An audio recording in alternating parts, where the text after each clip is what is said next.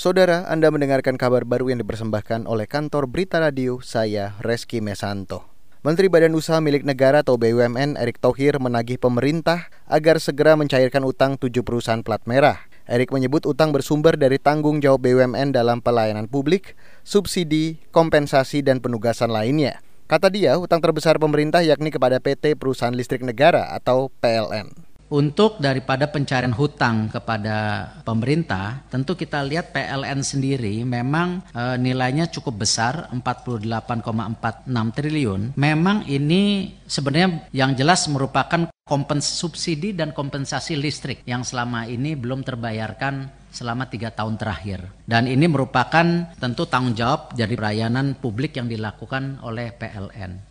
Menteri Badan Usaha Milik Negara atau BUMN Erick Thohir menambahkan, nilai utang pemerintah yang juga besar yakni kepada PT Pertamina sebesar 45 triliun rupiah yang diperuntukkan subsidi BBM. Lalu utang kepada BUMN Karya sebesar 12,16 triliun rupiah yang merupakan utang Lembaga Manajemen Aset Negara atau LMAN atas pembebasan lahan untuk jalan tol.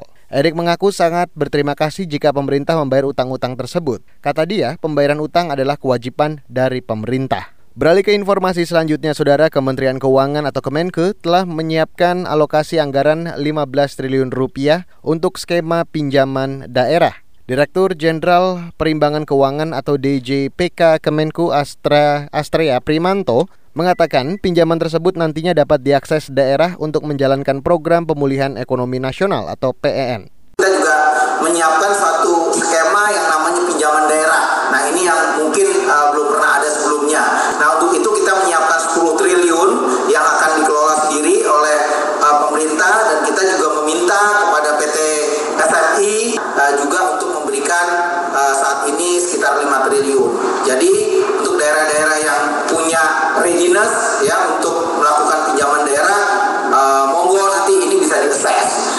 Astera menjelaskan pengajuan pinjaman akan melewati beberapa tahapan penilaian dari pemerintah secara ketat sebelum dana dikucurkan.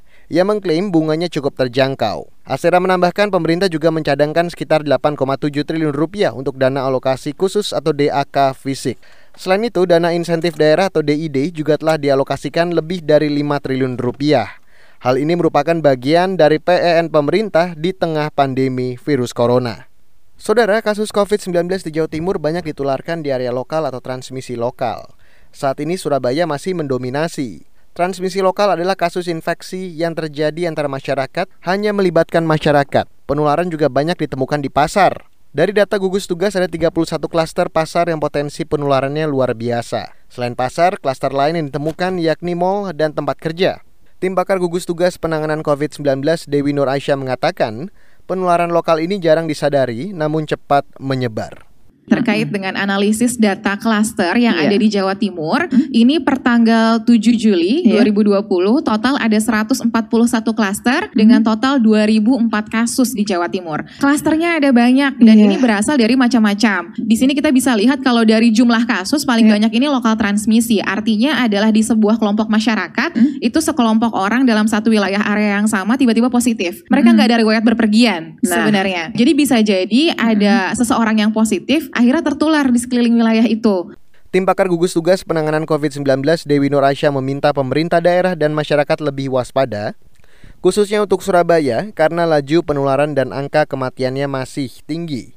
Hari ini Jawa Timur mencatat penambahan pasien positif COVID-19 sebanyak 165 kasus, sehingga total akumulasi mencapai lebih dari 17 ribu. Demikian kabar baru KBR, saya Reski Mesanto.